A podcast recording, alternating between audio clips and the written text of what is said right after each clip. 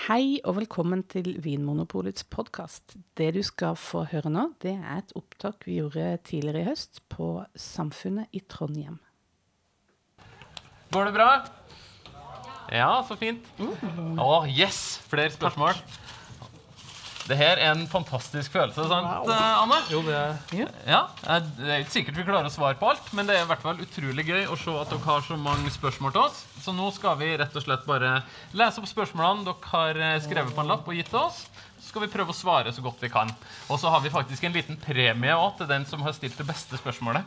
Wow. Så det er bare å glede seg. Og vi som trodde vi måtte ha sånn backup-spørsmål i tilfelle vi ikke fikk noen.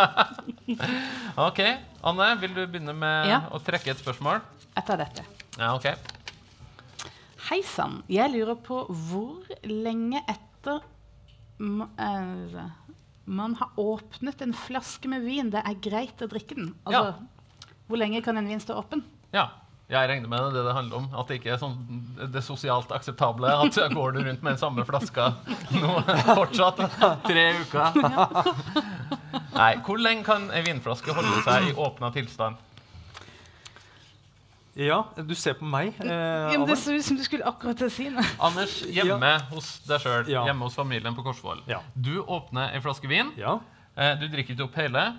Hvor lenge kan den stå før, du, før den blir dårlig? Det, blir, eh, det har vel aldri skjedd hos meg på Korsvoll at, at vinen har rukket å bli dårlig. Men Nei. jeg er ganske tolerant Ja. for, um, for uh, hvordan altså, at en vin utvikler seg i flaske. Så jeg, jeg, den, jeg Helt opp til to uker kan jeg faktisk uh, la den vinen stå åpna i kjøleskapet. ja. Og fremdeles uh, hygge meg med den vinen. Men er den veldig annerledes da? Veldig sjelden. Ja, for det er ikke sånn at den blir til eddik over natta. Og i hvert fall ikke hvis den står i kjøleskap. Så hvis man setter vinen litt sånn kjølig, enten på et kjølig sted på soverommet eller kjøleskap, eller ute, i hvert fall om høsten og våren når det er sånn mellom fire og ti grader ute, så Men er det det- helt topp. Ja. Men det er faktisk veldig stor forskjell å la en vinflaske stå i stua og i kjøleskap. Ja. Da er det to helt forskjellige svar på det spørsmålet. Men i kjøleskap ja, skal vi si opptil to uker. Men det er kanskje Ja, men, ja, litt, uh, I litt hvert lenge for, de, hvert for mange. fall fire-fem dager ei uke uten problem. Ja. jeg, jeg jeg, tenker, ja, jeg tenker at det her handler litt om at hvis dere er forberedt på at vin kan forandre seg litt, så er, da er ikke, det er ikke det noe problem. Ja, For det er ikke noe farlig. Nei, nei, nei. nei. Sjøl om vinen står i ukevis, så du blir ikke dårlig av det. Og tenker Det er jo litt morsomt det også, å liksom bli kjent med litt ulike sider av den vinen. Mm. Eh, av dens personlighet. Ja. Men jeg tenker at unntak her er jo da eh, veldig gammel vin. Mm. Vin som har ligget i kjelleren veldig lenge, f.eks. Mm. Eh, de er kanskje litt mer skjøre, og da er det noen ganger at eh, de kanskje liksom kan kollapse på ganske kort tid. Litt som gamle mennesker. De tåler ikke like mye som oss unge. Nei. Men de fleste viner som selges nå, er jo, er jo ganske sånn ferske, unge viner. Mm. Og de tåler godt å stå Ja. ganske lenge. Ja, og viner også som da, Vi var inne på naturvin noe som har veldig lite svovel. Kan kanskje også ha litt kortere levetid etter den åpna. Men som regel ei uke, null Ja. problem. Ja. To uker går òg fint. Eh, hold vinen kjølig. Yes. Da tar jeg neste. Hvilken rødvin bør man styre unna? Ja, det var et eh, vanskelig spørsmål Men å her svare kan, på. vi kan jo ikke snakke om et enkeltprodukt. Nei. Det har jo ikke vi lov til. Nei. Men så det her kanskje vi, hvis vi skal snakke om altså, vinstiler da, eller vinområder Ja.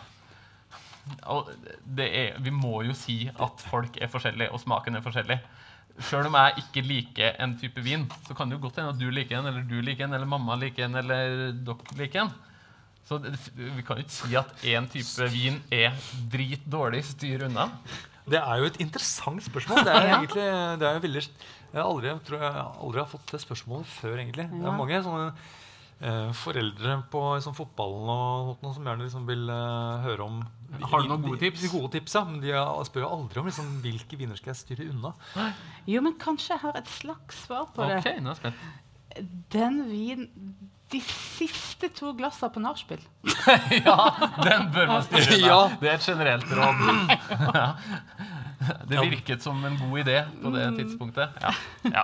ja, men det er faktisk et godt svar. Er, vi- er vi, jeg, jeg, prøver, jeg prøver virkelig nå liksom, å finne et svar på det. Sånn at ikke vi, liksom, vi er ikke fordi lett for at vi nå tolkes som veldig diplomatiske her. At ikke, Ja, ja, men, ja, men når smakte du sist en rødvin som var skikkelig vond, som du tenkte det her vil ikke jeg ha i munnen? Det meste av vin, selv om det koster 90-100 kroner, er jo Ja, og jo- drikkelig. Ja, og vet du hva? Og nå skal jeg faktisk fortelle om at jeg har, det har skjedd meg flere ganger faktisk, at jeg har eh, fått en eh, rødvin i munnen og tenkt at dette har jeg ikke lyst til å ha i munnen. Og jeg har i hvert fall ikke lyst til å få den lenger ned i kroppen. okay. ja. Men de situasjonene jeg har, har vært borti sånn vin, det er de gangene jeg har vært eh, dommer i eh, det, altså prøvepanelet i Vinmonopolet. De som sitter og bedømmer tilbudsprøver som kommer inn. Ja, fordi vi har I Vinmonopolet så har vi et dommerpanel som sitter i hvite frakker og blindsmaker alle de vareprøvene som blir tilbudt til Vinmonopolet, og da avgjør hvilke har god nok kvalitet til å stå i hylla vår. Ja, vi setter, ja, setter en type karakter, da, og så smaker ja. det blindt. Og den jobben har du hatt. Den har jeg hatt. Og eh, noen ganger i sånne prøvinger så har det dukket opp viner som er ubehagelige og vonde å ha i munnen. Okay. Og de eh, Men har de noen felles kjennetegn? Ja, eh, ofte så er det voldsomt, voldsomt mye snerp. At de er, sånn, de er så grove og intense i munnen at det er en det er som å på en måte ha masse Ikke chili, men at det, på- det er At eh, en, en, noen har føna deg i munnen med en hårføner? Ja, det er veldig, veldig, veldig, veldig ubehagelig. Ja. Og, så, og noen ganger så er det noe som har et sånt, nesten sånn såpepreg også, som er eh, litt sånn stikkende kjemisk. Ja. Og det, Ja, men- så du, du mener å si at kroppen vil fortelle det Ja, når det ikke er bra for det. deg? dette vil ikke jeg eh, ha i munnen. Mm. Men, eh, men noe av poenget mitt her er jo at dette er jo viner som da Ikke havner hylla De på De havner jo ikke hylla på Vinpolet. Nei. Fordi eh, Og de vi- kommer ikke lenger enn til munnen min. Nei. Og, vi, og, Takk for at du har gjort det. Anders. Og, og hvis de hadde kommet i hylla på polet, så hadde du uansett ikke stått på etiketten 'denne vinen er ubehagelig i munnen og smaker såpe'. Så man, altså man må jo egentlig bare spørre på polet, eller hvis man vet at man ikke liker en spesiell type vin, så får man unngå den. Jeg tror ikke det fins et sånt felles, felles trekk for viner man bør styre unna. Vil du ta neste Du, spørsmål? du trakk. Jeg, eh, når man sier at en vin har hint av mineraler, hvordan smaker det? Ja. Det er, det er veldig Det- glad for at eh, noen spør om det. ja. Da, da ryker, jo den tidsplanen vår, da. ja, ok, men la oss igjen late som at du, du har 30 Det er sekunder på deg. ja. Mm. Ja, Vær kort og Eh, konsis. hint av mineraler. Da, eh, det folk ofte mener av vinfolk eh, når de bruker dette ordet mineraler, så snakker de da om tre ting. Tre ulike ting. Mm -hmm. det er ikke sikkert at de tenker på det samme.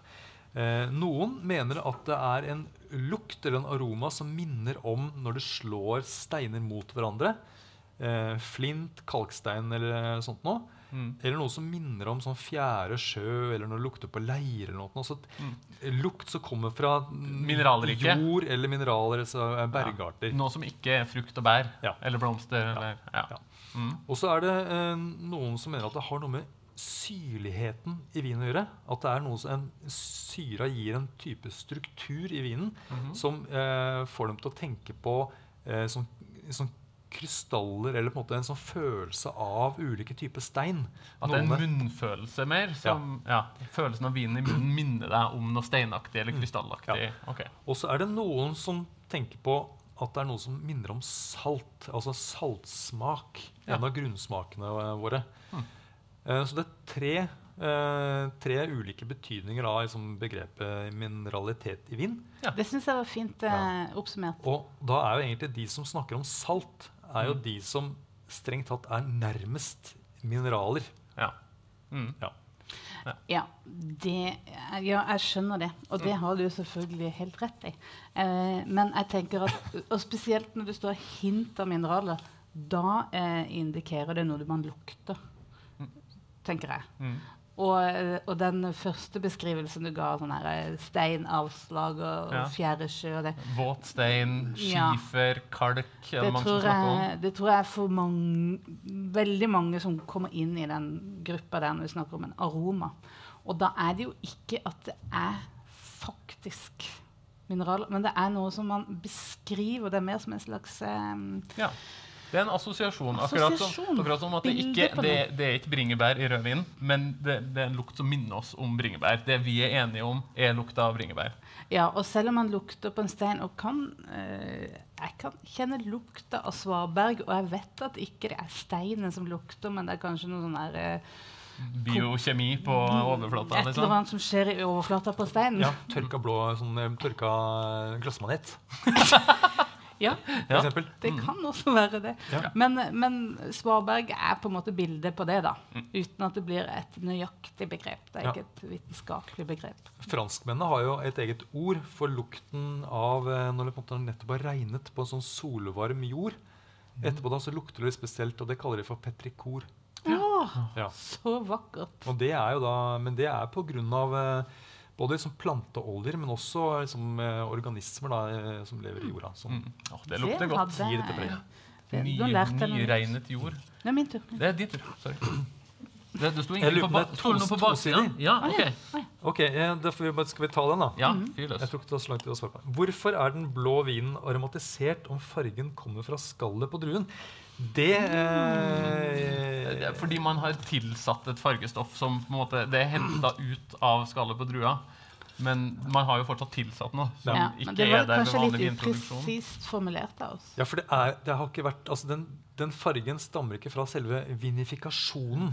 Som Hvordan- betyr vinlaginga. Hvordan vin- vinen er laget, det er på en måte er eh, Man har kjemisk henta ut et har en, har en flaske med konditorfarge på en måte som du Ja. Ja. heller oppi. Så eh, mer enn aromatisert, kanskje mer tilsatt noe. Noe som ikke pleier å være i vanlig vin. Ja. Kort fortalt. Ok, Anne, neste spørsmål. Tuklet, hadde det vært bedre? Noen har tuklet med vinen min. Når, Er det kjærlighetsbrev? Nei, det- når kan man kalle seg en vinkjenner? Oh, bra spørsmål. Ja. Ja, um, ja. Når kan man kalle seg en. Når følte du Når tenkte du at jeg, nå er jeg en vinkjenner? Er er det et ord jeg sjelden bruker om meg sjøl? Ja. Men hvis vi later som at du bruker det om deg sjøl, Ja. kan vi si at det er når man kan kjenne forskjell på noen ulike viner? Når man har smakt både søt vin og tørr vin, altså vin som ikke er søt, og søt vin, når man har smakt forskjellige typer rødvin, forskjellige typer hvitvin, forskjellige typer musserende, og klarer å på en måte Jeg sier ikke at man skal liksom kjenne igjen og stikke nesa, nesa nedi og si det her er en chardonnay fra Burgund, men at man i hvert fall har smakt forskjellige typer vin. da.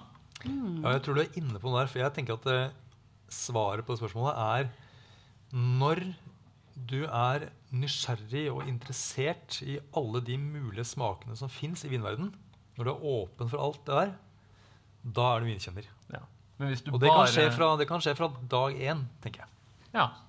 ja det, det fins ikke noe sånn minimumsantall. Nei, jeg tenker at det er en, en innstilling. Jeg tenker at eh, En som på en måte er åpen og på en måte har prøvd masse, Mm. jeg tenker at det er egentlig en, mer en vinkjenner enn en som ba, bare, bare har drikket verdens kan, eh, dyreste Bordeaux eller, eh, ja, Burgund, ja. Bare Chablis. Ja, for da kan du være en Chablis-kjenner eller en Ja. Bordeaux-kjenner, men ikke nødvendigvis en vinkjenner. Ja, Men så fint, da. Da g- går det jo ganske fort å bli en vinkjenner hvis du bare er litt sånn åpen og nysgjerrig. Ja. Jeg, jeg syns vi skal være raus med den uh, Ja. betegnelsen. Ja, og så finnes det også Det kan vi jo tipse om en liten brosjyre som fins i en sånn Kan finne den på nettsida vår òg. Og den heter 'Bli en vinkjenner'. Jeg heter bli en vinsmaker, tror jeg. Men, uten det. det? men det er jo det samme. Ja, det var arbeidstittel 'Bli en vinkjenner'. Ja.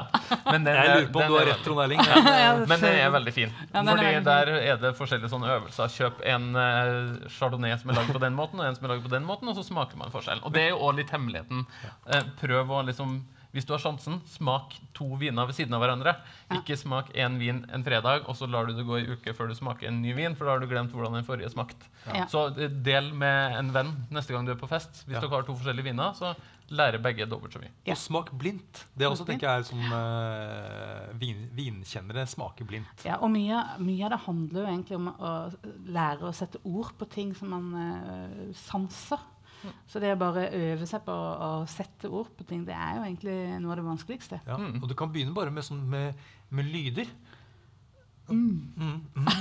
Og eh, øh, altså, Du bør ikke være redd for å på en måte gi uttrykk da, for liksom det, du, det du kjenner.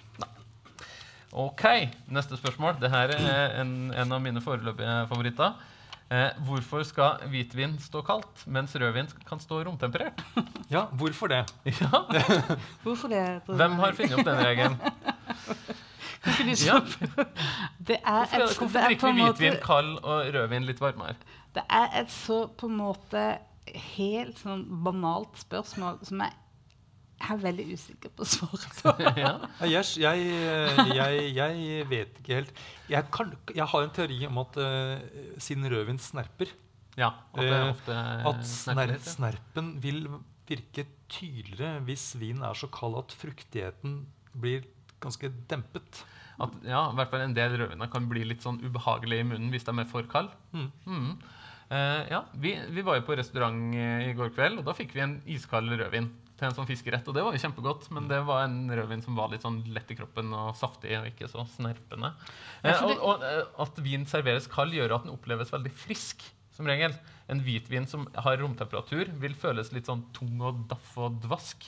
Men vi kjøler den ned for at den skal være litt sånn syrlig og lett i steget. Ja. Ja, for det, det skjer jo noe på ulike temperaturer. Hvis den er sånn helt rett ut av kjøleskapet, så er det vanskeligere å, å lukte aromaer i vinen. Mm. Så da blir den mer sånn på en måte lukka og bare forfriskende og kald. Mm. Ja, og lett man- å skille. Ja, Mm. og det er ofte det man vil ha av en- av en hvitvin. Ja. Men etter hvert som temperaturen stiger, så er det lettere å finne flere aromaer. Mm. Så det er jo ofte at mange hvitviner også har godt av å stå ute og bli litt mer oppvarma for å Ja. f- liksom få med seg hele vinen. Mm. Ja. Mens en rødvin ofte har vært, i hvert fall Mm. tradisjonelt sett, en vin med mer aromaer og større nyanserikdom. da. Og og så vil vi kanskje gjerne at hvitvin skal være liksom et starten på måltidet. Det skal være litt sånn syrlig og lett og friskt og kaldt, mens rødvin skal komme litt senere og på en måte hylle deg inn i en varm, god klem. Det skal bli varmere, varmere, varmere. Ja. Ja. Litt, litt sånn. ja. Men jeg, det er jo litt rart, fordi i og med at rødvin generelt har jo mindre syre enn hvitviner. ja, Så egentlig burde vi kjøle den ned for å få den litt friskere. Det burde vært Ja. motsatt. Eh, og så igjen må jeg si at eh, disse dommerne i, i eh, Vinpolet Mm. de smaker jo hvitvin og rødvin på akkurat samme temperatur. Ja. Ja. Og hvitvin tåler å stå i romtemperatur. Det er ikke sånn at den må, Nei, nei, nei. må stå i kjøleskap for å holde seg, liksom, sånn som melk. Jeg tenker sånn generelt sett Man bør ikke servere hvitvin for kald, hvis man ikke Ja. Sånn Mm. generelt sett. Og Ja. ikke rødvin for varm. Så eh, de bør nærme seg litt mer hverandre. Det er jo et sånt fint triks at du kan oppbevare hvitvin i kjøleskapet, men husk å ta den ut 20 minutter, en halvtime før du skal servere den, så den blir litt grann varmere og på en måte lukter litt mer og har mer riktig temperatur. Litt grann varmere enn kjøleskapstemperatur. Så kan du gjøre det motsatte med rødvin. Ha den i romtemperatur, sett den inn i kjøleskapet en halvtime før du skal servere den. Så får den kjølt seg litt ned og ikke bli varm og kjip. Bra tips. Yes, neste. Ja, det er det, det, min gode venn. Skal vi se. Eh, Dersom man er ny vinentusiast på studentbudsjett, har dere et par tips til gode viner hvor man får testet ut og utforsket hva man liker. Rød. Rødvin. Ja. Ja. Jeg har et par tips, da. Eh, altså, gå, dra til Chile-hylla på Vinmonopolet, ville jeg ha sagt. For Chile er et land der man ofte lager vin som er ganske rimelig. Det er ganske lavt ned i pris. Og så er det veldig sånn tydelige viner. Når, eh, når de lager en pinot noir i Chile, så smaker det, så er det tydelig pinot noir. Da smaker den av røde bær og er lys og lett og saftig i stilen. Og eh, hvis du vil prøve en syra, prøv en chilensk syra, for da får du mørke bær og litt pepper og urter. Og den er sånn som en typisk syra vil være. Så det er liksom mitt, Ja. min første tanke. Ja, det Chi- bra. eh, Prøv Chile. Da får man tips. mye for pengene, og det er veldig sånn tydelig, lett å lære viner. Bra tips. Eh, også Chile er jo også kjent for at de har sånne endrueviner. Ja. Det er ikke så vanlig der å blande mange forskjellige druetyper eh, i vinene. Så Mm. det er liksom, Du får Cabernet Sauvignon, du får Syrah, og du får jo da Mm. Merlot, Carmener og masse forskjellig. Sånn snarvei til læring. Mm. Mm. Eh, hvis man da, hvis man har lært seg ok, cirka sånn smaker en pinot noir, cirka sånn smaker en cabernet sauvignon, fins det noen områder der man kan på en måte gå litt opp i kvalitet og få kanskje litt mer utvikla, modne, gamle viner eller mer komplekse, spennende viner, men som fortsatt er på en, til en grei pris? At du ikke trenger å måtte ut med 400-500 kroner for å få noe som er på et Må vi kanskje til Rioja, da? Kanskje det? ja. Rioja i Spania? Ja. Men det må ja. Fordelen med Rioja er jo det at eh, det er jo et klassisk område der prisen fremdeles er relativt lav. Ja, i hvert fall Hvis du sammenligner med de andre store, Ja. Bordeaux, Burgund osv. Og så er det et område som har uh, ulike lagringsgrader på, på rødvinene sine. Ja. Så hvis du tester ut uh, rødvin fra Rioja, så får du ikke testet ut så veldig mange forskjellige druetyper. De er som regel en blanding av Tempranillo og uh, Masuelo og Graciano. Ja. Eh, og- og det er det, men det er den lagringsgraden hvor lenge det har ligget på fat, som er Ja. forskjellig. Og da får du noe som heter Haven, som da er eh, en fersk, ung og ulagret eh, versjon, som da er fruktig. Og så får du da liksom eh, Crianza, som har ligget eh, litt på fat. Så har du Reserva, som har ligget enda lenger på fat. Og så er det da Gran Reserva, Mm. som eh, da har ligget eh, lengst på fat. Og Ja. Da får du ulik eh, utviklingsgrad og ulik eh, grad av fatpreg. Men grunnstammen av druer som er brukt, er den samme. Mm. Men allikevel, hvis du skal opp på Gran Reserve, så er det kanskje bikka studentbudsjettet Ja, men du trenger, ja, det fins jo Gran Reserva fra Rioja som er under 200 Ja. kroner. Ja, ja, det er veldig, veldig bra. Mm. Ja. Også kanskje litt sånn eh, områder som ligger nærme de klassiske områdene, men eh, ikke helt. Altså en Nebbiolo fra Piemonte, men som ikke er Barolo eller Barbaresco, f.eks., men fra litt lenger nord, fra Gemme eller Gattinara. Ja. Ja. Eller litt Eh, større områder som bare heter Lange, f.eks. Ja, sånn at Da kan man få noe som ligner på de her store klassikerne i vinverden, men til en litt rimeligere pris. Ja. Eller vi var inne på Jura i, i, I Frankrike, Frankrike. som ikke ligger langt unna Burgund, som Mm. også har ikke bare disse her florvinene, men også viner som ligner veldig mye på Mm. burgundere. Ja, og hvis man eh, ikke bare ser på rødvin, men hvitvin, så har jo f.eks. Tyskland tysk Riesling holder jo superhøy kvalitet til ganske bra priser. Man tenker- trenger ikke å betale noe særlig over 130-140 kroner for å få en ordentlig flott tysk Riesling. Mm. Ja, da er det dem, Anne Enkra. Skal jeg plukke? Mm. Og tar den som er helt Ja, den minste Det lappen. var veldig det var søt Ja. Jeg tror du den som har skrevet skammer seg over spørsmålet? At det er derfor de har Nå brett den sammen? Jeg likte det. Jeg synes det var litt sånn omtanke. Ja, det var en liten spå. Er det sant at noen av vinene på polet settes ned i pris i starten av hver måned? I så fall, hvilken vin ble satt ned i november? Eh, ja, det korte svaret er jo ja. Den første i hver måned så er så kan de som da importerer viner til Norge, de eh, får lov til å sette ned prisene en gang i måneden. Det er i så fall Hvis de da sitter igjen med et parti av en vin som de kanskje ikke har fått solgt, eller skal slutte å importere, da har de lov til å sette ned prisen eh, så, for å på en måte få solgt ut restpartiet sitt. Eh, og det eh, blir jo da ofte lagt ut på noen sånne type Facebook-grupper som heter Vinforum eller God vin eller sånne ting. Eller det fins noen journalister som eh, en som heter Ulf Dalheim her i byen, eh, som skrev i Adressa før, men som nå driver noe som heter Vinpuls. Han legger ofte ut en sånn liste over her er vinene som går ned i pris. Eh, og så skal det jo sies at det er jo ikke nødvendigvis sånn da at alle de vinene blir billige. Det kan jo være at en 1000 kroners vin blir satt ned til 800. Så det er jo ikke alltid at man kan bare løpe og kjøpe og gå på salget der. Og kanskje er det en grunn til at de vinene ikke har blitt solgt før. Det kan være at prisen var litt høy i utgangspunktet. Det kan Ja. hende. Ja. Men, Ja, det er eh, ikke noe, det er ikke noe eh, nødvendigvis en sammenheng mellom det at en pris er gått ned, er, og det at det er en god pris. Nei, det er Men det er gøy da å jakte på sånne Ja. gode altså, Jeg ja, ja, er sånn selv, jeg. Altså. Hun går på Eh, salg, hun går på Ja. kupp. Eh, neste spørsmål. Hvorfor er det så mye dårligere utvalg av rosévin utenom sommersesongen? Godt spørsmål. Ja. Det korte svaret er vel at vi selger mest rosévin i sommersesongen, og det er da flest kunder vil ha rosévin, så det da fyller vi på med mer rosévin i butikkene. Ja. Men vi ser jo at det selges mer og mer rosévin om vinteren òg, og våren og høsten.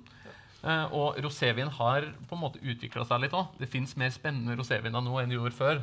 I, for en del år siden så var det stort sett sånne lyse, lyse terrasseviner. Mens nå fins det rosévin som er litt mer passe til mat. Litt mer strukturerte eh, viner av høyere kvalitet.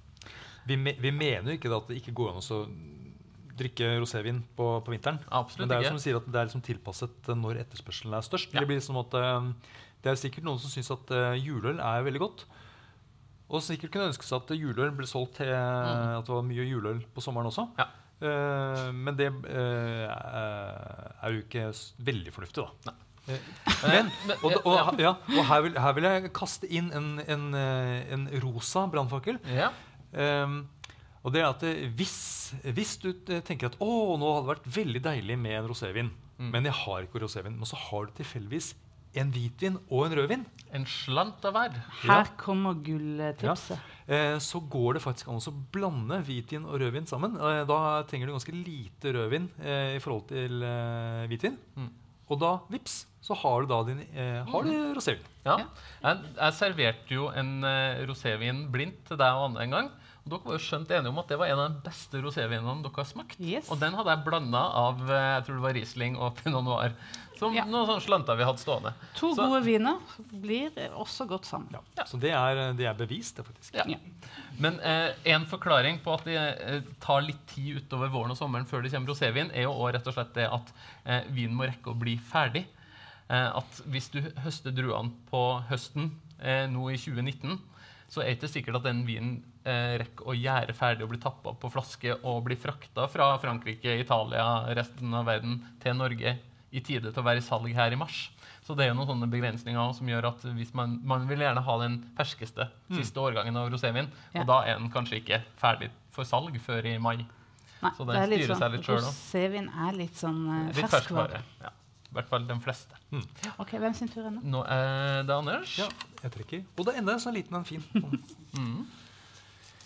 Mm. hva heter det? sånne bonsai, Bonsai-spørsmål. bonsai-lapp. Ehm, En liten skrift, da. får vinen en annen smak når den er i plastflaske i stedet for glassflaske? Ja, Anne, gjør den det? Eh, nei, den gjør jo ikke det. Den, eh, vi har jo eh, lansert noen viner i plastflaske, eller PET-flaske, Mm. vi Til og med med pant nå etter hvert. At du kan faktisk. pante plastflasker. Det er såkalt PET-pant. Ja.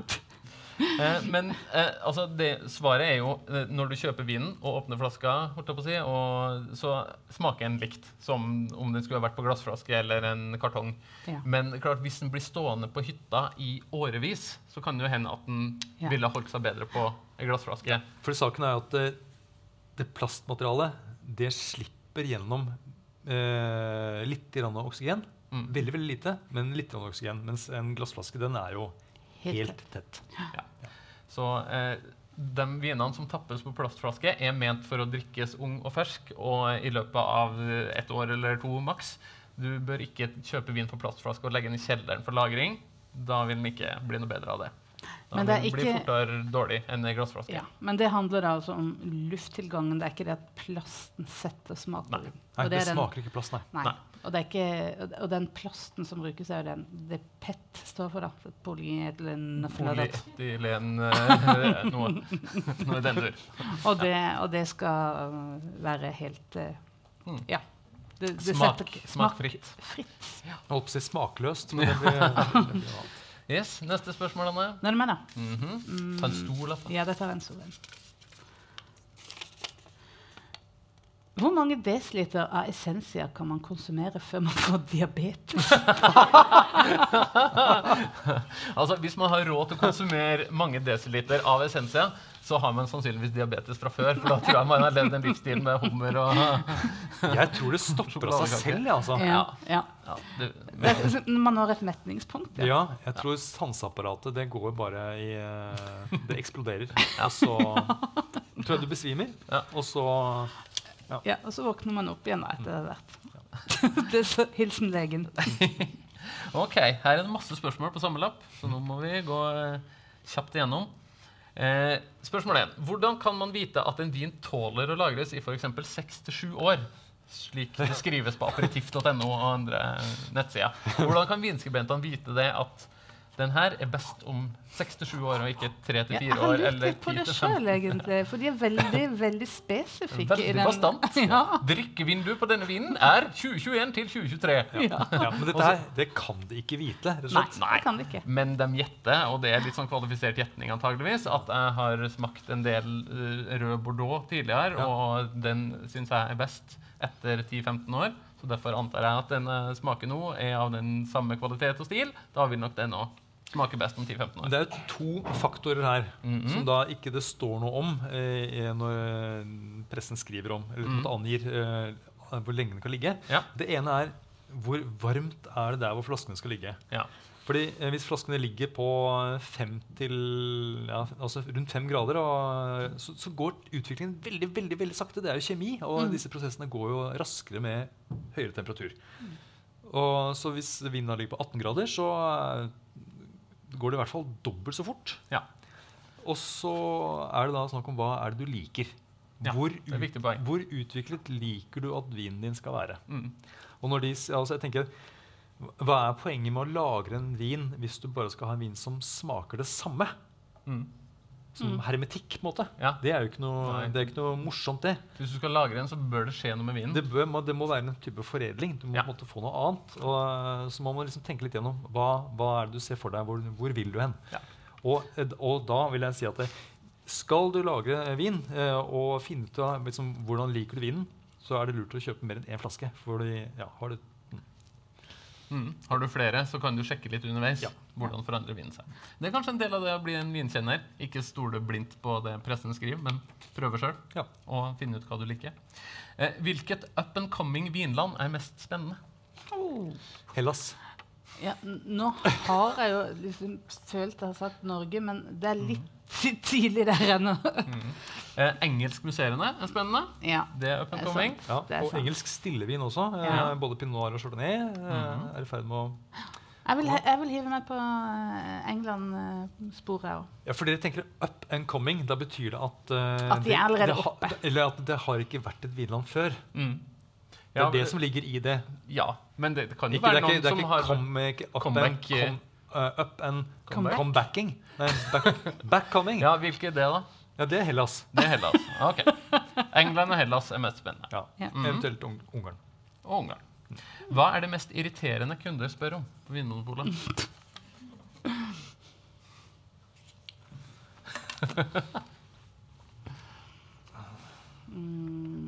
Jo, jeg vet det. Hvorfor koster denne vinen så mye i Norge når den er så billig i Spania? Ja, det er, ja, det er jo litt Ja, det er irriterende. Det er litt irriterende. Ja, det handler om avgifter, vi tjener mer i Norge. Nei, er, nei, er, det er jo ingenting som er Vi er jo veldig glad i utfordringer vi Ja. på Vinmonopolet. Det er jo ingenting som er mer gøy enn når folk kommer inn med en svær meny med Ja, er kompliserte retter. Så skal vi prøve å finne noe som passer til. Det er gøy. Eh, har du den med frosken på, er jo gøy, for da blir det litt sånn detektivarbeid. Og, ja, hvilken vin er det som har frosk på etiketten? Og så blir de så imponert når vi klarer å finne fram til Jo, jeg vet et irriterende spørsmål jeg fikk en gang. ja. Etter jeg hadde stått og prøvd å hjelpe. Eh, kan jeg få snakke med en mann? Ja, ja det, det er faktisk er irriterende. Ja, det er irriterende. Ellers så tenker jeg at eh, og Jeg vil kanskje ikke si at det er irriterende, men uh, de som ikke tør spørre, Ja. Ja. det er jo ikke irriterende. Det er bare litt, eh, det er litt Frustrerende. Det er frustrerende. frustrerende. Så mye bedre å spørre. Spør masse. ja. Hvilke viner bør luftes og dekanteres? Har det noe med lagringsgrad å gjøre? Ja, det har det jo. Ja, både lagingsgrad og lagringsgrad. Ja. Ja, hvordan, hvordan vinen er laga, er vel kanskje det som uh... Hvilke viner lufter du hjemme når du skal åpne en flaske vin? Når tenker du den her skal jeg lufte? Det er veldig sjeldent jeg gjør det, må jeg innrømme. Eh, For jeg syns sjeldent det er nødvendig. Eh, Jeg lufter det kanskje hvis det er en sånn aroma i vin som minner om sånn brent hår, rumpaktig. Hvis det lukter promp av vinen, Ja. så prøv Ja. å lufte den. Og da lufte, da snakker vi om bare hell den over i mugge eller en karaffel. For, for du snakker om også på en måte, lufte med døra. Eller, tur med Prompelukta. Må ut og lufte vin. Nei, Nei. så Viner som er litt sånn ung og fersk og lukka og ikke har liksom Ja. åpna seg helt ennå, Ja. kan du lufte. ja, og det Anne snakker om, er jo det som vi kaller for reduktivitet. Som er Ja. noen sånne svovelforbindelser Mm. som gjerne oppstår når det har vært lite oksygen til stede underveis i gjæringen for i modningen av vinen. Ja. Så vinen trenger litt luft for å åpne seg og vise seg fra sin beste side. Ja, og da kan det skje ganske fort, faktisk, den der endringen hvor det på en måte dette der prompearomaene eh, luftes av. Og, det, og du behøver ikke å gjøre det i en karaffel. Eh, du kan gjøre det i et norgesglass eller eh, en eller annen beholder. Eh, Eller du kan rett og slett bare snurre på glasset sånn at du får liksom luft til vinen mens det er i glasset. Ja, for det er det sånn er oftest luft og vin. Og det gjør jeg ganske mye av til gjengjeld. Ja, Å ha det i glasset og sitte og snurre i det, for da åpner det seg ja. opp litt Mens dekat dekantering det er jo da gjerne hvis du har litt gammel vin som har litt sånn bunnfall, at det er litt grums i flaska, og så heller du da vinen over i en karaffel eller en mugge eller et norgesglass, bare for å på en måte skille vinen fra grumset. Ja, for det feller ut ting. Hvis den blir veldig gammel, så kan vinen felle ut ting som legger seg som grums. Og det er bare liksom ekkelt å ha i munnen, så derfor så har man helt det over.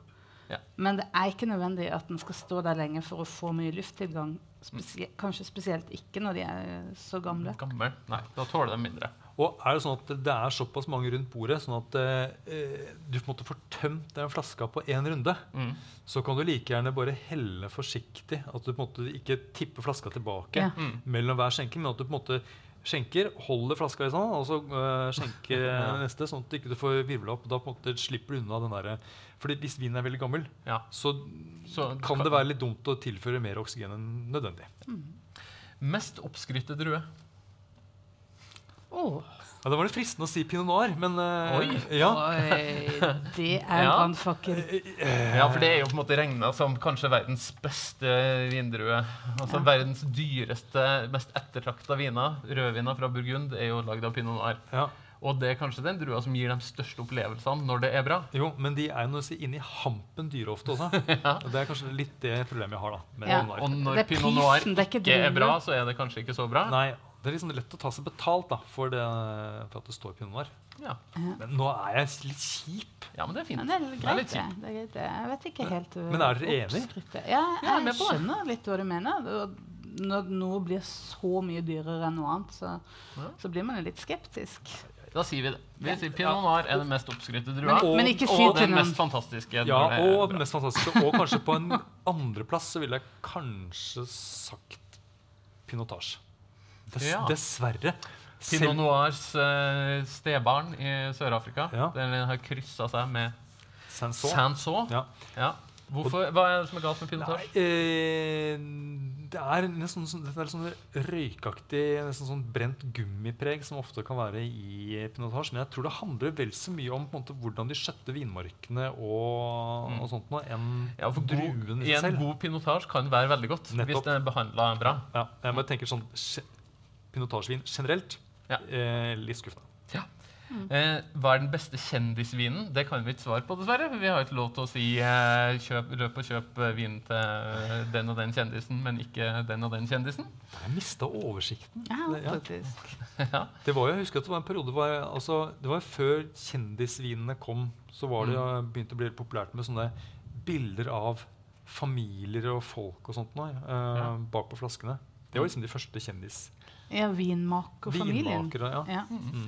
Og så kom det liksom folk som hadde med vin å gjøre, Ja. og kokker og sånn, og så hadde det liksom bare blitt helt tilfeldig hvem det er som Og det er jo litt uh, gøyalt, da. De, de beste kjendisvinene er kanskje der hvor det er en kjendis som har litt peiling på vin, og som er med å lage vinen, og ikke bare at en uh, tilfeldig reality-deltaker har satt trynet sitt på. Mm. Ja. I California er det en del sånne kjendiser som har kjøpt seg måtte kjøpt vinmarker og starta som vinprodusenter. Mm. Anders, tar du neste lapp? Hvilken rødvin er den beste blant de billigste? Ja. Hilsen student. Smilfjes. Ja. ja. Ja, det jeg skjønner jeg jo at det er et spørsmål man gjerne vil ha. Her er det mange ting som gjør eh, For det første, vi kan jo ikke si, nevne én spesifikk vin. Et merke. Ja. Det går ikke. Men, og det eh, ja. handler om alkoholreklameloven. Men Mm. Og beste, det syns jeg også er litt vanskelig. Hva er den beste vinen? For det, mm, er det, handler det om kvalitet, eller handler det om preferanser? Eller det Hvor får du mest alkoholprosent for pengene? Ja, hva er best for deg? Hva er best for Men meg? kanskje vi kan begynne med hva er billig, da. Ja. Ja. Hva er en billig vin? Uh, jeg pleier å kjøpe en ganske billig vin. Jeg har på en måte uh, 150 kroner. Det er liksom der jeg pleier å ligge, kanskje. Mm. Så hvis vi da sier 120, da, for det virkelig liksom Ja, for det er jo sånn at det meste av prisen på en vinflaske i Norge er jo avgifta til staten. Og det blir jo eh, nærmer seg fort hundrelappen. Så alt over den eh, avgiftssummen er jo det som går med til og på en måte dem som har lagd vin, dem som har importert den til Norge, frakta den osv. Så hver Så- tier teller. Hver tier teller Ja. som du går over der. Så 120, billig for eh, mange. Og det er mulig å få veldig god vin til 120 kroner. Ja. Ja. Eh, I hvert fall god vin Ja. til Ja. 120 Jeg, jeg tenker at uh, det fins portugisiske uh, rødviner. Også Chile Chile, også Sør-Frankrike. Mm. Der kan du dukke opp viner i den prisklassen. Argentina Ja. Kan man finne gode viner. Mm. Beste tipset mitt er egentlig bare å spørre på polet. Eh, På ditt lokale pol har de jo god oversikt over hva som er bra i en rimelig prisklasse. Og for at de skal kunne hjelpe deg bedre å finne det som er best akkurat for deg, så Mm. gå og si noe eh, 'Jeg liker den vinen'.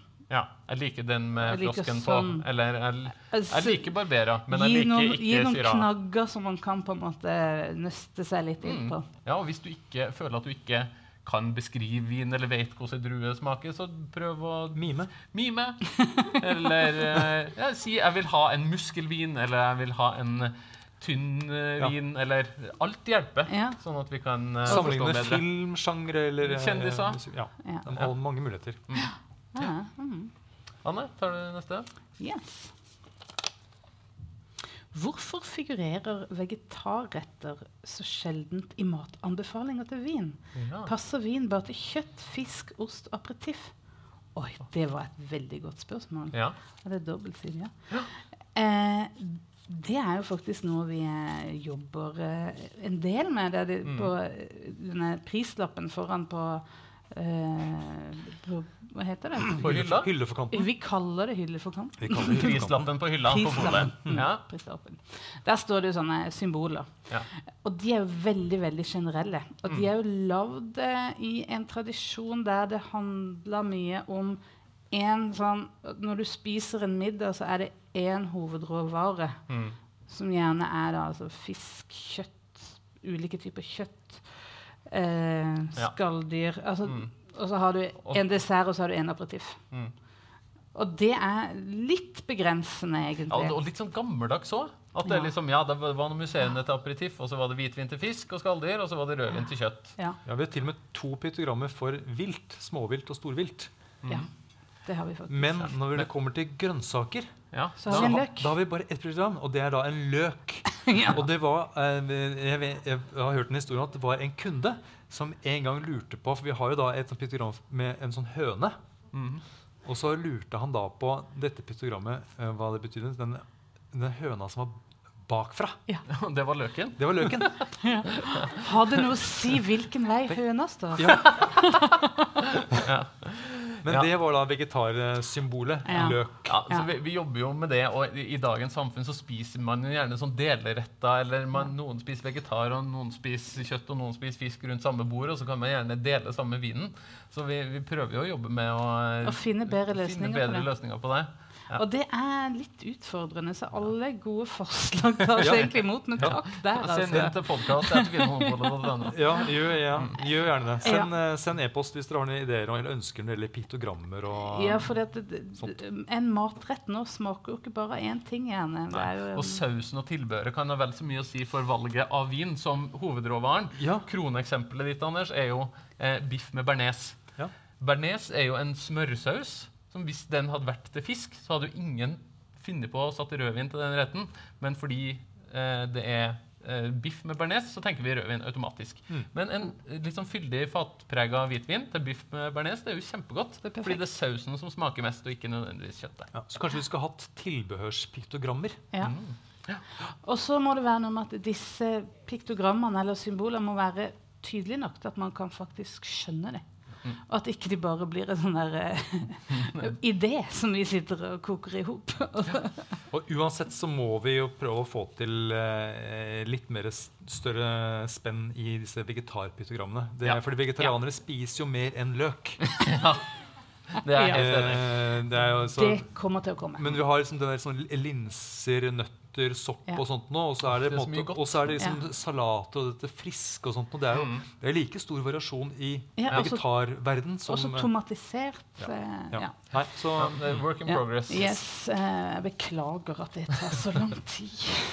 Her er det mer. Er det aktuelt å innføre et naturvinfilter på nettsiden-appen? Ja, det er det. Sikkert vanskelig, siden det ikke finnes en definisjon. Mm. Men hva med eh, f.eks. filter for spontangjæring? Ja. Wow, Bra spørsmål. det Eh, og ja. Mm. det jobber vi med. Det prøver vi å få til. Og da blir det kanskje en slags sånn egenmeldingløsning. At de som importerer vin til Norge, kan si dette er en naturvin eller dette er ikke en naturvin. Og da kan vi jo sortere det ut, sånn at man lettere kan finne det på nettsida vår. Og det samme gjelder Oransjevin. Ja, så vi jobber med det. Ja, det kommer. kommer. Uh, er det mulig å få juleøl som ikke smaker malt og karamell? Finner jo unntak, men lages altfor mye av førstnevnte. Ja, det Svaret på det er jo ja, det er veldig mulig å få tak i. Og det blir jo bare mer og mer for hvert år. Det er julesurøl og jule-IPA og julekrydderøl og alt mulig rart. Så utvalget der blir jo bare større og større. Ja. Vi var jo innom Ja. en butikk her i Trondheim i dag som har tatt inn alt som fins av juleøl i Norge. Rundt 250 sorter. Så der er det stort spenn. Og da kan du fortelle en historie fra gamle dager. da du smakte alt juleøl eh, på en kveld, og det var ti stykker? eller? Ja. Og sånn er du ikke lenger. Nei. Nei. Nå er det jo litt mer utfordrende å komme seg Ja. gjennom. Ja, så det fins masse spennende juleøl. Eh, spørsmål én. Hvor mange viner har dere smakt på? Gjennom livet, liksom. Ja, Men eh, ja, når jeg jobba i SPI, så var du sikkert I det dommerpanelet. Dommer, ja. Det, SPI, ja, mm, nå snakker jeg som underforstått. Ja. Du snakker polsk. Vinmonopol. Um, så ja. Nei, eh, Da var det fort uh, 3000-4000 vinnere i året. Mm. Uh, Ja. ja. eh, Og og hvor mange Nei, da mange, Det var ti, så Jeg er sikkert oppe i 50 000-60 000. Noe sånt. Det er spesielt å tenke på. Ja, det, det blir noen tusen. Hvor mange av de har du drukket? Nei, det er jo nesten ingen av dem. Nei, vi spytter jo ut alt vi smaker på, bare så det er sagt. Og det, men det finnes jo, eh, nå finnes det 25 000 produkter i hele utvalget til Vinmonopolet, og ingen av oss har selvfølgelig smakt på alle dem. Vi har kanskje smakt på 1% eller 5% av dem. Men eh, vi, når vi har smakt en del Rioja-viner, så vet vi jo hvordan stort sett viner fra Rioja smaker. Så selv om vi ikke har smakt alt som står i hylla i butikken, så går det an å gi gode anbefalinger basert på det vi kjenner fra før. Hva serverer man til venner som tror de ikke liker rødvin? Oh. Som tror de ikke liker rødvin? Da serverer de hvitvin, da. Ja, men, ja, men da, Eplemos?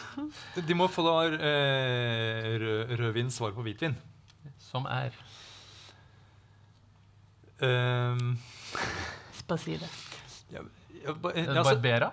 Nja En litt sånn lett og lys Lett- rødvin som ikke er så snerpende, og som Ja. er litt mer syrlig og frisk. eh, Det kan jo for eksempel være eh, med, med Beaujolais, ja, Barbera, noen pinot noirer. Men også hvis, hvis det kan være at noen som vil ha noe som er litt eh, rundere i kanten. da. Ja, At det Ja. kan bli for stramt og Ja, skarpt. og, Og da kan f.eks. en litt sånn moderne grenache ja, kan faktisk eh, Mm. være noe, da. En grenache eller garnacha, som det heter i Spania. Mm, Som er ja. litt sånn saftig og leskende og smaker jordbær og bringebær og er lett å like. Ja. Mm, da sier vi det. Da sier vi det. Og okay. serverer det avkjølt, ja. Ja, serverer det avkjørt. God idé. Det var lurt. Oh. tips til uvanlige, men gode vin- og matkombinasjoner. Dette er min favorittspørsmål. Mhm. Ja. Ostepop og sautern har vi jo vært innom. ja. N- Ikke en klassiker, kanskje, men eh, Nei, men det er uvanlig ja, ja, ja, det gode. ja. Ja, men så fort nå går jeg rett ned i en sånn gikete gryte, og så skulle jeg si eh, Colaris og Dashi. Ja, Ja. ja, men si det. Si det. Si det du tenker, Anne. Colares dashi. Det er jo veldig, veldig smalt, da. Ja, men dashi er en slags sånn japansk buljong, på en måte. Sånn soppbuljong. Soya. Soya og greier. Eh, vi spiste en kjempegod rett en gang som var torsk i en slags sånn eh, rik, brun buljong. Også med en rødvin fra Colares i Portugal, som er en veldig sånn spesiell stil med en veldig moden utvikla, Mm. eh, slank, syrlig rødvin. Ja. Em, og jeg tenker også på altså, sånn kjøttgryte, sånn bøff bourguignon, som det heter, som da betyr biffgryte fra Burgund. Og det er tradisjonen at man bruker en sånn lys pinot noir i gryta. Men det er veldig godt med da, en litt utvikla vin. En litt gammel Bordeaux, f.eks. En 10-15 år gammel Bordeaux, som det faktisk går an å kjøpe til en ikke så altfor dyr penge. Og det er også veldig godt til sånn crispy duck og sånn asiatisk mat med soyasaus og hoisinsaus. Mm. Ja. Vet, vet du hva annet som er sinnssykt godt til ja. sånn crispy duck og til pinnekjøtt, faktisk? Hva da? Det er rødt flamsk øl. Altså sånn surøl som ikke er lyst, men som er litt sånn brunrødt i fargen. Det sitter som en kule. Det er Mm. helt fantastisk, syns jeg. Ja. Og så vil jeg da legge til eh, Comté Ja. og sake. Å, det er ja, det er veldig uvanlig og veldig, veldig godt. Ja. For sake Nå er det jo Spurte etter vin og matkombinasjoner, men, Ja, men ja, ble, nå er det jo Da ble det øl og sake. Men, men uh, sake har vi jo ikke vært inne på i det hele tatt. Men det er liksom det motsatte av vin, egentlig. Ja.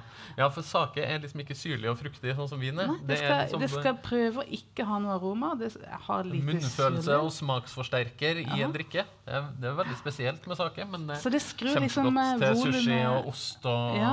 spekemat. Og. Det får maten til å smake mer av seg sjøl. Ja, det er som å legge noe på en sånn fløyelspute for å presentere det. det er, saken er som sånn fløyelspute. Ja. Men det er litt uvant. Også mens vi er inne på øl, da, IPA og gulrotkake. Ja. Det hadde jeg aldri trodd skulle være godt før Nei. jeg smakte, men det er kjempegodt. Og det må faktisk prøves. For det, jeg nekta helt til jeg bare prøvde det. Det er gulrotkake med en del sånn krydder i, sånn Mm. nellik og kanel og kardemomme og sånn. Og så en IPA som fungerer som en slags sånn grønn te, nesten, Ja. til, til den kaka. Det er veldig godt. Ok, vi nærmer oss slutten. Hva slags Beaujolais bør jeg kjøpe når de slippes? Og da tenker nok eh, spørsmålsstilleren på det som heter Beaujolais Nouveau, som er, kommer nå i november. Hver tredje torsdag i november hvert år så slippes da den nye vinen fra det distriktet som heter Beaujolais i eh, Frankrike.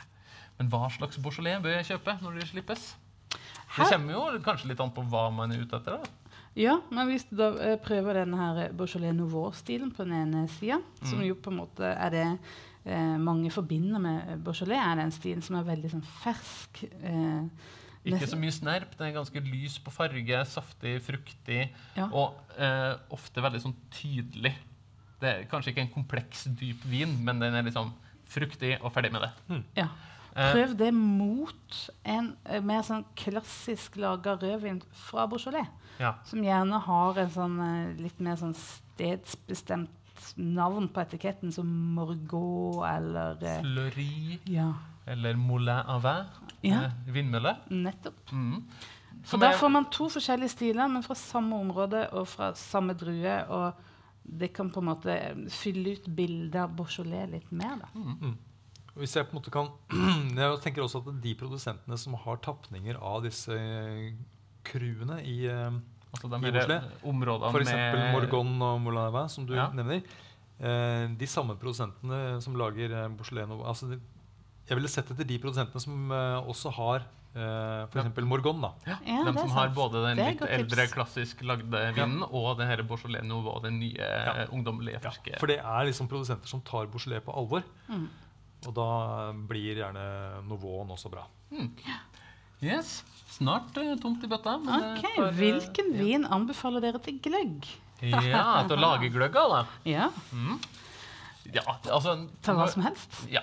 Når du skal lage gløgg, så varmer du jo opp vinen og tilsetter krydder og smak og kanskje sukker og alt mulig rart. Da er det ikke så farlig hva du bruker. Nei. Velg, velg noe billig og Ta det billigste. Rett og slett. Ja. Mm.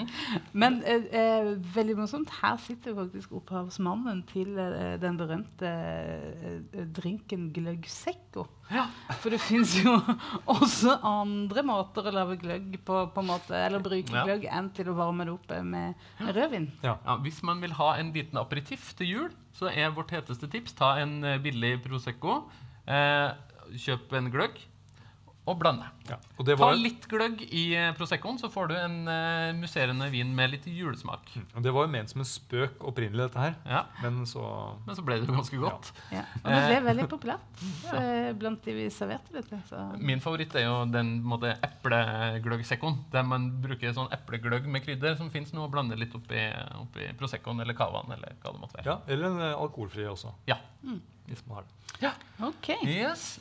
Jeg tar den lille, Anders, så skal du få den store Kan jeg bare si noe ting apropos det der med gløgg og man liksom varmer opp vin og sånt nå, eh, Ja. man bruker, altså Når man bruker vin i mat da Vi gjorde jo en eh, sjokkerende oppdagelse. Vi, eller på en måte, vi hadde hørt rykter, og så testa vi det på ordentlig. Eh, og det gjelder da vin som er korka. Eh, Det har sikkert vært borte noen ganger. Sånn Vin som lukter sånn muggen kjeller. Det er derfor du får lukte på vinen når, på restaurant. Ja. Når noen skjenker vin oppi glasset ditt, skal du sjekke om det er en korka eller ikke. Ja, Og også hvis den er korka, så lukter den muggen eh, kjeller. Ja, og så hadde vi da hørt rykter om at eh, det kokes bort. Eller at hvis du kan bruke det i maten, og så vil ikke dette muggpreget være der eh, lenger. Mm. Og så testa vi det. Ja, for jeg nekta jo igjen da Ja, å tro på det. Vi tilsatte eh, TCA til altså vi hadde TCA, som er det her kjemiske det stoff- stoffet stoffet, som gjør at vin lukter korka. Tusen takk. Mm. Vi hadde én en flaske vin, og så delte vi vinen i to. Eh, altså vi, to beholdere, liksom. Ja, dere skjønner. ja. Og så i den ene så hadde vi da denne, dette stoffet, TCA. Sånn at det var den samme vinen, bare den ene med TCA. Og så lagde vi da to like kjøttgryter. Og så hadde vi blindsmaking. Mhm. Eh, Det var flere som prøvde. Og da var det til og med altså det var uh, flere som likte den med korka vin Mm. enn den uten korka vin. Så kjøttgryta ble bedre med korka vin. Ja. Ja. Ja, Så- så, du kan faktisk putte hva som helst av vin i maten. Mm. Men det må jo koke en stund, da. Ja, ja. Ja. Mm. Men det må du jo, hvis du skal ha bort alkoholen, nå, så må den jo stå og koke. Ja. Ok, eh, På det spørsmålet her så skal dere få lov til å eh, svare kort og konsist, begge to. Hvilken rødvin passer best til lasagne? Kom igjen. Tida går. Eh, da ville jeg tatt en eh, Jeg ville tatt jeg. Synomavro fra Hellas. Ja. Anne, hvilken rødvin passer best til lasagne? Jeg ville tatt en Jeg ville tatt en Jeg ville tatt en Hvis jeg sier Å, jeg ville tatt en Zweigelt fra Østerrike. Ja, så den italienske matretten eh, lasagne, da vil du ha gresk vin, og du vil ha østerriksk vin. Ja. Ingen på Italia, altså. Ingen på Italia. Da, Ja, da får jeg si da, Ta en eh, Sangiovese-basert eh, vin, Ja. en toskansk rødvin. En Chianti, eksempel. Kjempegodt. Det er nok veldig godt. Ja, det var det trygge valget. Anders, siste, Siste. spørsmål. Um, Så flink dere er. Det har vært fantastisk Ja. fine spørsmål. Det er så gøy å svare på. favorittvin under 100 og Står det 158 spenn? Det tipper spesifikt. det er 150 spenn. 150 spenn? Favorittvin under 150. Og igjen, vi kan jo ikke si en eh, enkelt merkevare og sånn, men eh, hvis du skal kjøpe én vin til under 150 kroner, Ja. hva kjøper du da? Og nå får du ikke lov til å si Synomavro fra Hellas flere ganger. Da eh, Nei, da, da ville jeg kanskje tatt hvitvin, faktisk. Mhm. eh, og da enten tysk Riesling, eh, kanskje Chenin Blanc fra Loire eh, Mm. Ja. Det er de som jeg kom på sånne farta, som jeg tenker- tenker er Mm. pleier å være gode viner. Høy kvalitet Sikre- under 150 kroner. Ja. Anne? Å, det er så vanskelig å tenke fort.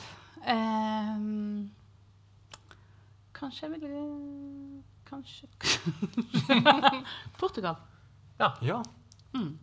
Hva slags vin fra Portugal? Rødvin. Ja. Mm. Eh, og en noe spesiell drue, spesielt område man skal se etter der? Ka kanskje Baga. Men nå er jeg litt usikker på Fins det under 150 kroner? Jeg har ikke helt oversikten, men uh, Kanskje mer en blandingsvin. Det er veldig Ja. vanlig i Portugal å blande ulike druer. Det, men jeg er veldig enig med deg. Det kommer mye spennende rødviner fra Portugal framover nå, i en litt sånn ny stil. Ikke de her tunge, eika, veldig mørke snerpene som det var før, men litt sånn nye, saftige, lekre rødviner fra Portugal. ja. Og så er det også pinot noir fra New Zealand. Jeg må jo si at det er Ja. også veldig flott. Det er veldig lett lette, leskende rødviner. Enig. Og da vil jeg kanskje slå et slag for spansk cava.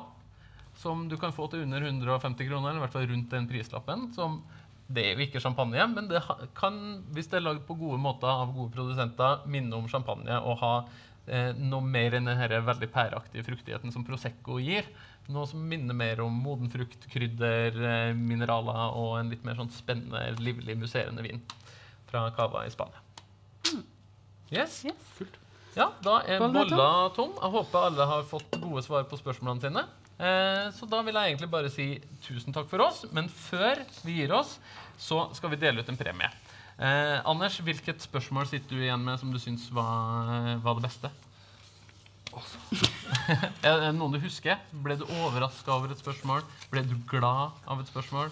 Eh, den vegetar, det vegetarspørsmålet Ja, du vet Ja, hva, den det hadde jeg òg tenkt å si. Da deler vi ut premien. Hvem var det som Ja. stilte vegetarspørsmålet? Ja, kom opp, så skal du få en premie. Eh, det er da boka 'Norges beste vinkjøp 2020' av Ingvild Tenfjord. Vær så god. Takk for et flott spørsmål. Eh, og det som er fint med den boka der, er at den eh, på en måte Den tar for seg vin på den måten som vi liker å snakke om vin på. Det, vin skal på en måte ikke være Det skal ikke handle bare om jordsmonn og det å kjenne til de dyreste slottene i Bordeaux, men vin skal være en sånn naturlig del av livet.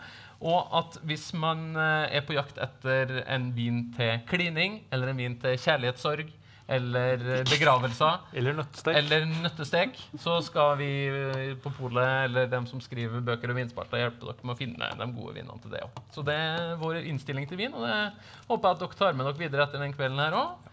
Det å bli en vinkjenner det kan alle få til uansett prisnivå og alder og erfaring. Ja, bare husk å leke med vinen.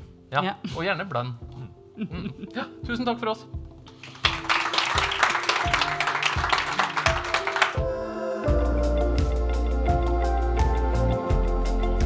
Takk for at du hører på Vinmonopolets podkast. Har du forslag til et tema i podkasten? Send mail til podkast at vinmonopolet.no.